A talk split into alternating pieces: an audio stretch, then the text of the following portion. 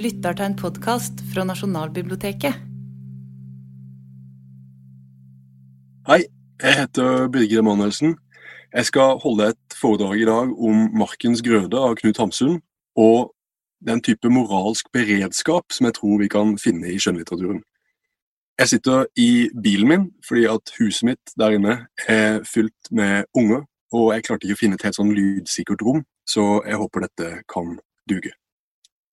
Og Jeg skal faktisk begynne med barna mine. For da kona mi var gravid, eh, så gikk jeg sjøl med forventninger.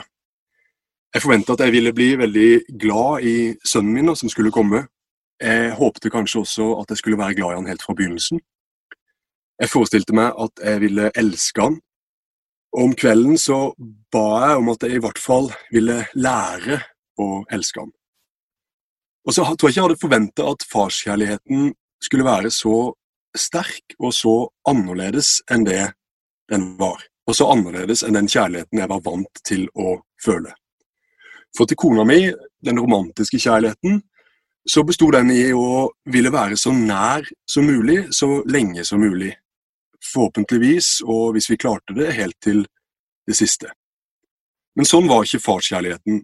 Jeg ønska naturligvis da, og jeg ønsker naturligvis fremdeles, å være nær sønnen min. Timevis så satt jeg også med han i fanget. Han kunne kysse meg på nesa, trykke meg på kinnet, brette ørene mine framover. Og jeg gjengjeldte de kjærtegnene. Jeg klemte han ofte, jeg kyssa på han, og det gjør jeg fremdeles. Og Før så bodde vi inne i byen og hadde vi en eh, liten leilighet, men i den lille leiligheten så hadde vi et ganske stort badekar. Og De første årene så bada jeg og sønnen min sammen nesten hver eneste dag. Han lå på brystet mitt, og jeg sang.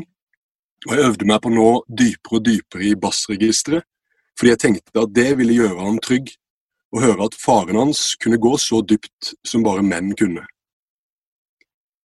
Kjærligheten til sønnen min og de to andre barna mine skiller seg derfor fra kjærligheten til kona mi.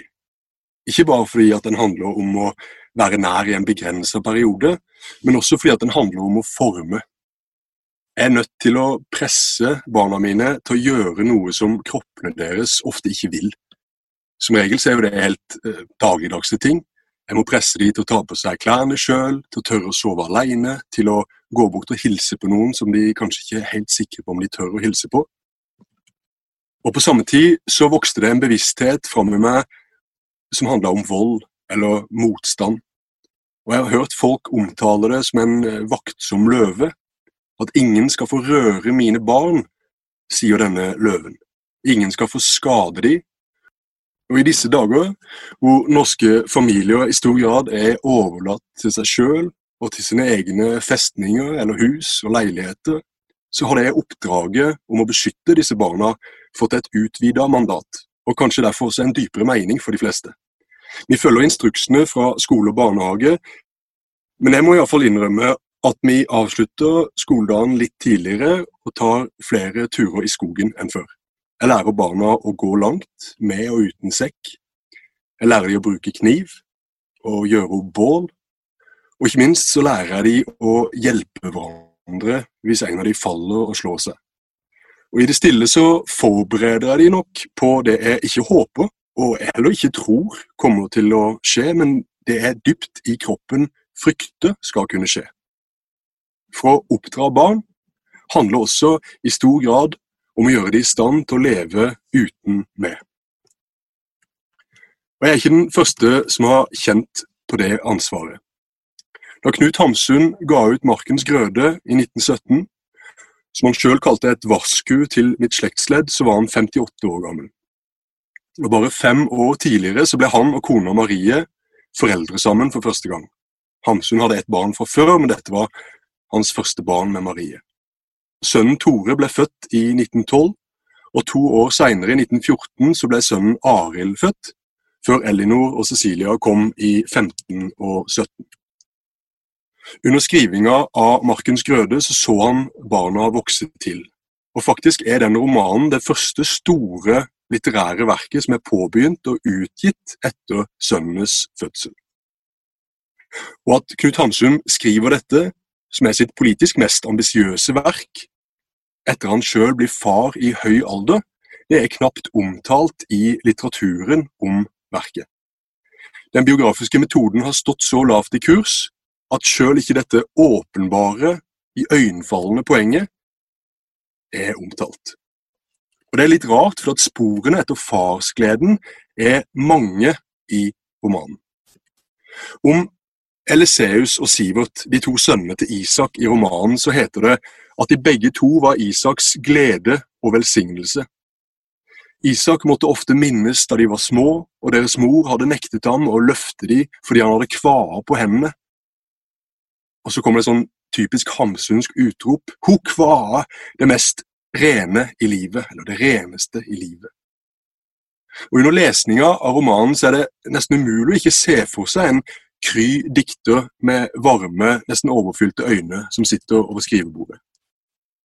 Og alt annet som er sagt om denne romanen, at det var noe mer enn litteratur Hamsun ville med den, at den kunne leses som et innlegg i debatten om utvandringen til Amerika eller barnedrap, eller at den var et landbrukspolitisk innlegg om å kolonisere de tomme viddene i Nordland, det blekner mot dette bildet av en følelsesstyrt, aldrende alfahann som ser sine to friske sønner vokse til i en kaotisk og usikker verden. Og han ville kanskje utstyre de med en ny moral for den nye tid. Og en sånn ny moral for en ny tid kunne behøves. Og bare to måneder etter at Arild ble født, så brøt første verdenskrig ut. Jeg skal være forsiktig med å kalle Markens grøde for en postapokalyptisk roman. Det begrepet hører ikke til i Hamsuns verden. Men det er et historisk faktum at Hamsun skriver dette verket i de årene hvor det moderne prosjektet får sitt voldsomme og blodige crescendo. Første verdenskrig sender hjem åtte millioner krigsinvalide. Nærmere seks millioner barn blir foreldreløse og enda tre millioner opplever hvordan fedre døde hjemme av sykdommer de hadde pådratt seg ved fronten. Som vi alle vet i disse dager, så begynte spanskesyken ikke så veldig lenge etter krigens slutt, f.eks. De fullstendige ødeleggelsene er ikke fiktive og frykta hos Samsund. De er materielle og faktiske. De hender i et her og nå ødeleggelsene rundt boka er likevel ikke åpenbare i teksten. For selv om krigen raser i verden utenfor skriveromsvinduet, så er Hamsuns litterære vidde urørt og plettfri, slik vi kjenner den fra ideene eller drømmene. Den lange, lange sti over myrene og inn i skogene, hvem har tråkket opp den? Mannen, mennesket, den første som var her, Sånn møter leseren Isak Sellanrå i begynnelsen av romanen. Han baner ny vei, går opp nye stier og bryter ny mark. Romanens åpning ligner sånn en skapelsesberetning som så mange lesere har påpekt før meg. Men Isak er ikke det første mennesket, og han kommer ikke fra ingensteds. Han er merka av sivilisasjonen gjennom små arr i ansiktet og på hendene. Og fortellingen eller fortelleren spør disse sårtomter, hvor har han fått dem? I arbeid eller strid? Og kanskje er det krigen som har satt disse sporene i han. Kanskje forteller ansiktet en historie, selv om vi lesere er avskåret fra akkurat den historien. Som så mange av Hamsuns personer så er nemlig Isak Sellandrå uten forhistorie og uten familie. Han trer ut som er en hellig tåke og inn i leserens bevissthet. Åpninga av Markens grøde varsler ingen skapelsesberetning, egentlig, men en gjenskapelsesberetning.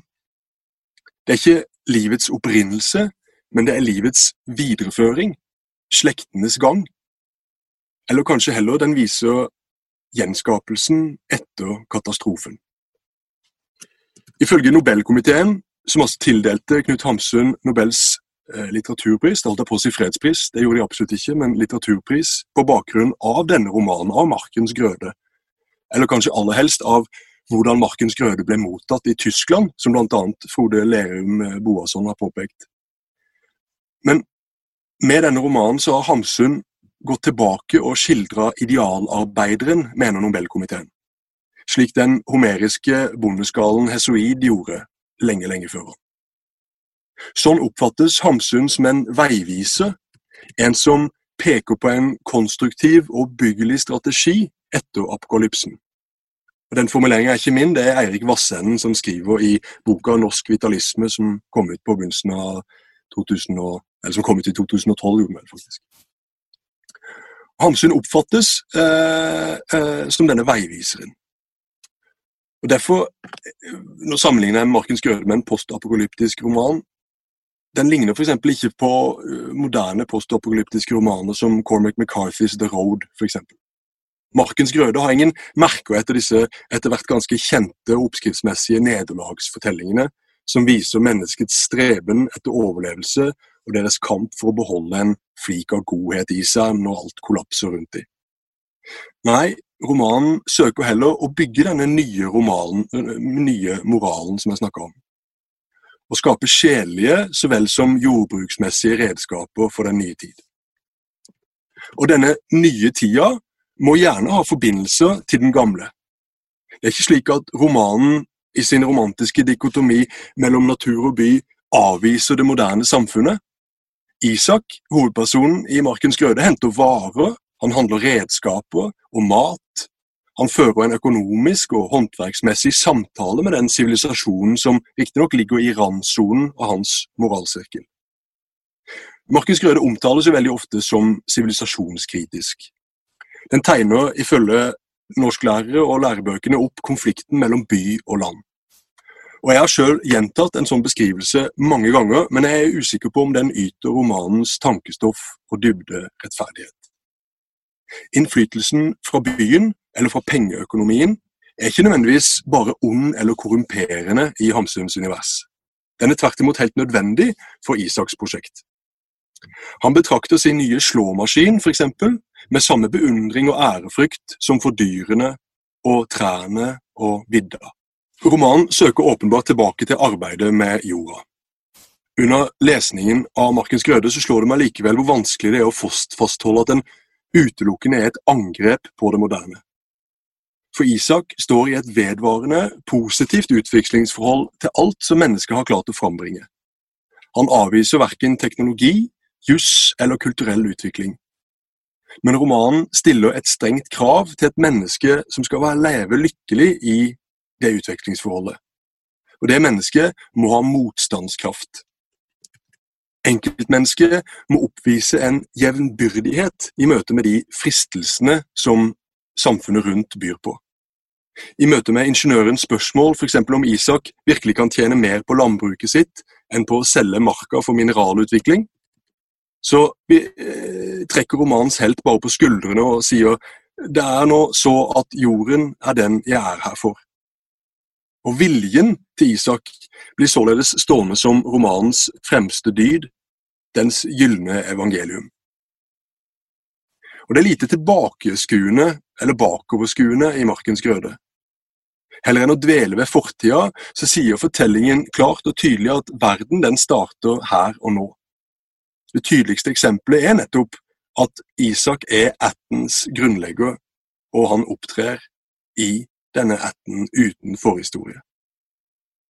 Og Forhistorie og fraværet av det er helt påfallende, kanskje spesielt fordi stort sett alle samtidige romaner jeg leser, har en tendens til å romantisere, problematisere eller gjøre drivkraft av fortida.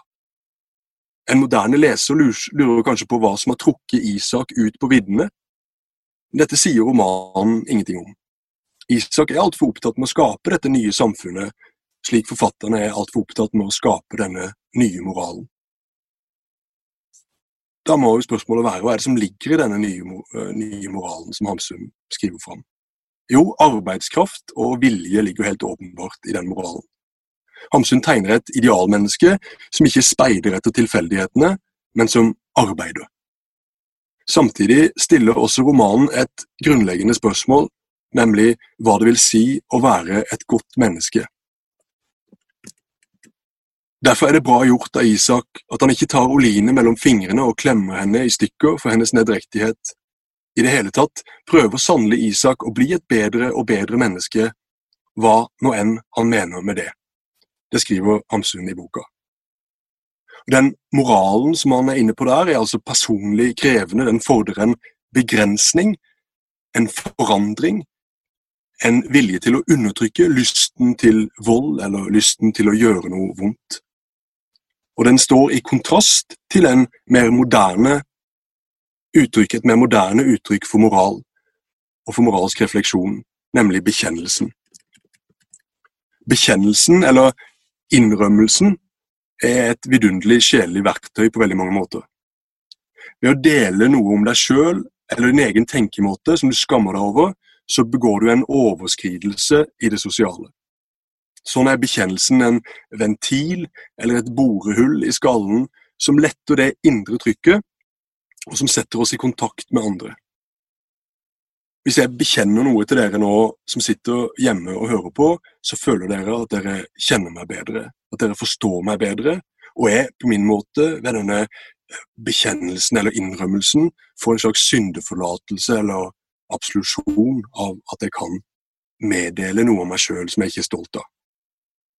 Og Sånn så kan bekjennelsen viske ut denne avstanden som er mellom oss, og kan omdanne ensomhet til fellesskap, og sørge for at vi f.eks. ikke lenger frykter å være de eneste foreldrene som bare for en halvtime siden hadde lyst til å nesten kverke ungene fordi de ikke klarte å holde munn når pappa skulle holde foredrag.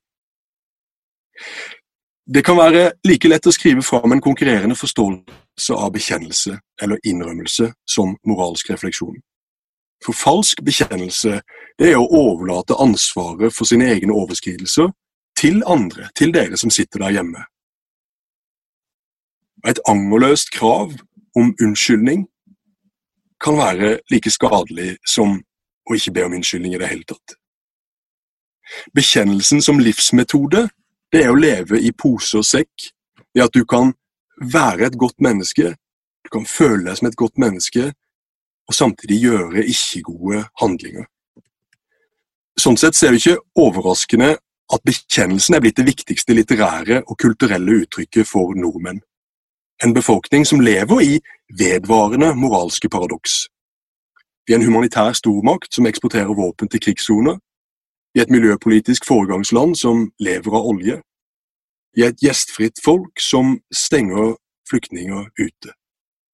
Og nå ser vi et samfunn som snakker hele tida om dugnad og fellesskap og tar vare på hverandre, men hvor veldig mange av oss dypest sett egentlig bare vil reise på hytta for å ta vare på oss sjøl. Bekjennelsen er sånn sett sangen til et folk som har begått den moderne moralske vendinga. Før så målte vi oss mot dydene. Lojalitet og ærlighet, arbeidsomhet, flid. Nå måler vi disse dydene mot oss sjøl, og så ser vi at de ikke helt passer. Og Denne kognitive dissonansen den er ubehagelig å leve med, så derfor kaller vi dydene for uoppnåelige eller perfeksjon, og vi avvikler de. Og Heller enn å søke, for, søke etter fullkommengjørelse, som Kant ber oss om, så lærer vi voksne bort at det er greit å leve med sine egne ufullstendige selv. Og Det er naturligvis en god lærdom for barn. Og det er viktig, det er nødvendig, kanskje helt livsviktig i mange tilfeller. Men bekjennelse lar deg også utsette det arbeidet det er å bli et bedre menneske. Du lurer deg sjøl til å tenke at ved å innrømme feilene, innrømme begrensningene og utilstrekkelighetene dine, så tar du kontroll over dem. I virkeligheten så kan like fort det motsatte skje. Snarere enn å holde opp noen verdier som moralske garnlodd, som fester oppfatningene dine og forankrer dem, så drives du i bekjennelsens nesten ruslignende strøm av gjenkjennelse og heder og ros for at du er modig ved at du bekjenner. Du er så modig som vedkjenner deg din menneskelighet. Møtet med en roman uten forhistorie, uten bekjennelse, det er rystende. Isak søker ikke tilgivelse gjennom å innrømme sine feil. Han søker fullkommengjørelse gjennom begrensning og vilje, hjelpsomhet og arbeid. I Markens grøde så finner en gjenklang av det den amerikanske forfatteren David Foster Wallace har påpekt, eller han har ønska han har ønska seg en litteratur som peker ut en ny moral for en ny tid, for som han sjøl sier, så er vi en generasjon som har arva absolutt ingenting av meningsfulle moralske verdier, og det er vår jobb å skape dem. I Florian Illes eh, imponerende bok om førkrigsåret 1913 så er det påfallende mange kunstnere og kulturfolk som i årene før krigsutbruddet, altså årene før første verdenskrig, går og lengter etter vold. Eller de bærer på en forestilling om krig som verdens eneste hygiene, som eh, futuristen Marinetti formulerer det i sitt futuristiske manifest fra 1909. Illes nevner bl.a. forfatteren Thomas Mann, som er en av Hamsuns store beundrere. Og I et brev til en forfatterkollega så skriver Thomas Mann at krigen kjennes som en moralsk renselse. Og Krigen Thomas Mann snakker om, er ikke eh, første verdenskrig, eh, men den fransk-prøyssiske krig i 1870. For på avstand, på trygg avstand, når blodet er vaska og, og lasarettene er tomme, så er sikkert renselsen veldig mye lettere å få øye på. Men ide, Thomas Mann er ikke den eneste langt ifra. Ideen om denne renselsen og krigens renselse er utbredt i Europas åndsliv i førkrigsårene. Den konservative, revolusjonære vitalismen i Tyskland så første verdenskrig som et endelig brudd med det borgerlige samfunnet, og dermed som en mulighet for en sosial og samfunnsmessig fornyelse. Og De tankene skal ikke sette noe umiddelbart likhetstegn, men jeg kan ikke være den eneste som har hørt om dette håpet om hvordan virusutbruddet vi nå er i, skal være en renselse og en ny begynnelse.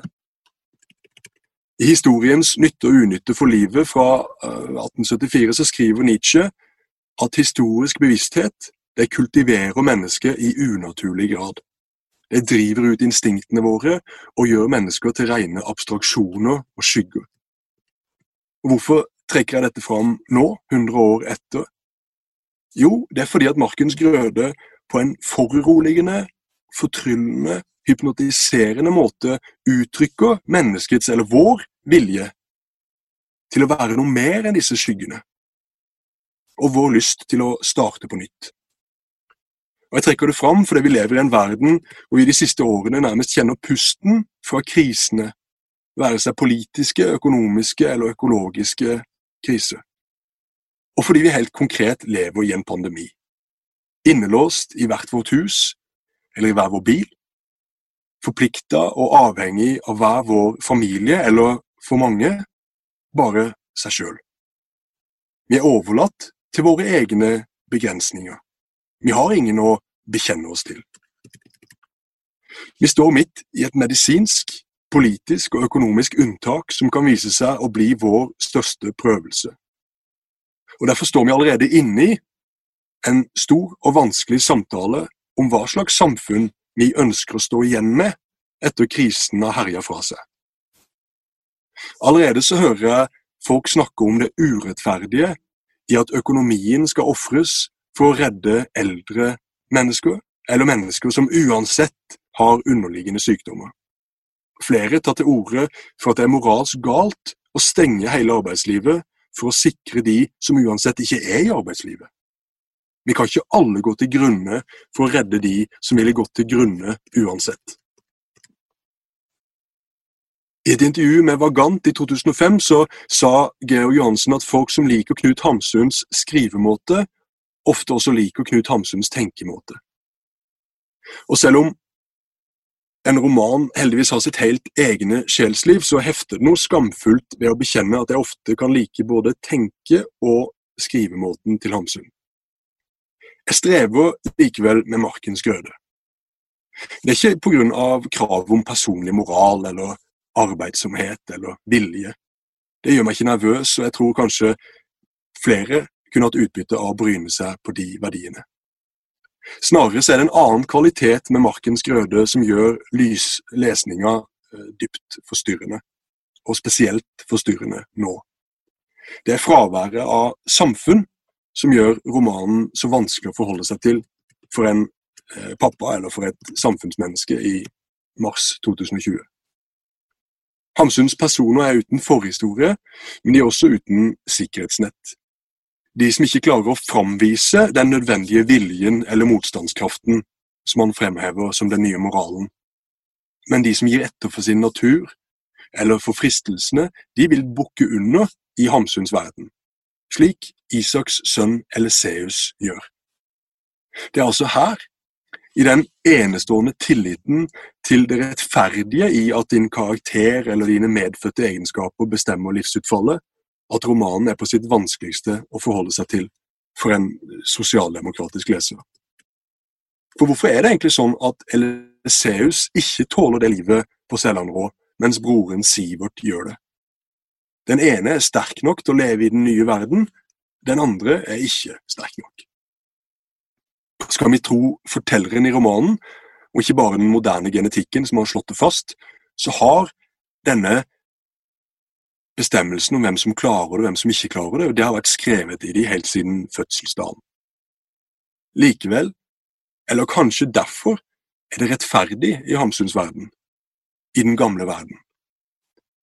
Etter vår første sønn kom i 2012, så fikk vi en jente i 2015 og en gutt igjen i 2017, altså 100 år etter Markens grøde kom ut. Og Da jeg leste romanen igjen i jubileumsåret, så var det fremdeles lett å la seg blende av Hamsuns stil. Det er få romaner som har tilfredsstilt lengselen mot gjenskapelse og gjenfødelse vakrere og sterkere. Og det er veldig lett å forstå at den ble så populær i Tyskland, nærmest helliggjort eh, etter første verdenskrig, da landet prøvde å reise seg etter de store ødeleggelsene fra den krigen. Men heller enn å lese en vakker fabel om å starte på nytt, som jeg gjorde første gang, som lengtende ungdom, så leser jeg som trebarnspappa en veldig klar og tydelig advarsel. Markens grøde er en roman som har gitt opp å endre historiens gang. Den konsentrerer seg i stedet om å forberede mennesket på det som må komme, den nye tid. Den har akseptert at det er ikke noe vei utenom. Uansett hvilken retning vi tar, i samfunnet eller som enkeltmenneske, så leder den retninga på et eller annet tidspunkt inn i en ny undergang. Alt vi kan gjøre, det er å planlegge hvordan vi skal leve og hva vi skal gjøre etter katastrofen. Og Selv om tankestoffet er skremmende, så tror jeg en roman som Markens grøde gjør oss i mye bedre stand til å takle kriser som den vi er i nå. Det gjør skjønnlitteraturen ved å bygge opp et slags moralsk eller en mental beredskap. Ikke nødvendigvis faste og sikre verdier, men beredskap. Ikke minst fordi så mange romaner interesserer seg for det uventede, det som ikke skjer for første gang. Denne fantasifullheten som finnes i romanens verden, eller som finnes som mulighet i romanens verden. Anledninga til å gjennomleve utenkelige moralske dilemmaer, den er nødvendig for å takle en framtid som ikke lar seg forstå gjennom å studere gjentagelse eller lovmessighet, eller bare statsvitenskapelige rapporter. Den viktigste forberedelsen på katastrofen handler imidlertid ikke om matlageret i boden, eller om ungene kan gå fem eller ti kilometer med sekk på ryggen, eller om de kan bruke kniv, eller gjøre bål, eller om de mestrer livet bak plogen, som kravet er i Markens grøde. Den viktigste forberedelsen handler om å være forberedt på at det verste kan skje også her. Også med oss. Da må du ha tenkt gjennom mange ting. For meg etter å ha lest Markens grøde, så er det likevel én ting som er viktigere å ha tenkt gjennom enn alt det andre. Det er det spørsmålet Hamsun hopper bukk over. Hvordan beskytter vi de barna som er, ikke som Isak, ikke som Sivert, men som Elseus, som ikke klarer seg i den nye tida? Da må jeg inn eh, til ungene. Ha det bra.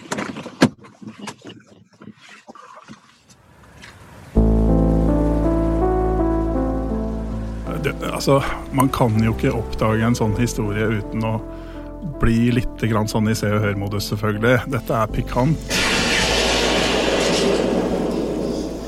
Rett på! I samlingene til Nasjonalbiblioteket så finnes det spor etter et helt hav av dunkle drama og glemte liv fra Norges historie. I podkasten Gamle greier så skal jeg, Askild Matre Vassarød, fra det lille studioet midt i kjelleren under Nasjonalbiblioteket i Oslo, nøste opp de her mysteriene. Det er en voldsom kjærlighetshistorie, rett og slett. Abonner på Gamle greier gjennom den podkasttjenesten du bruker.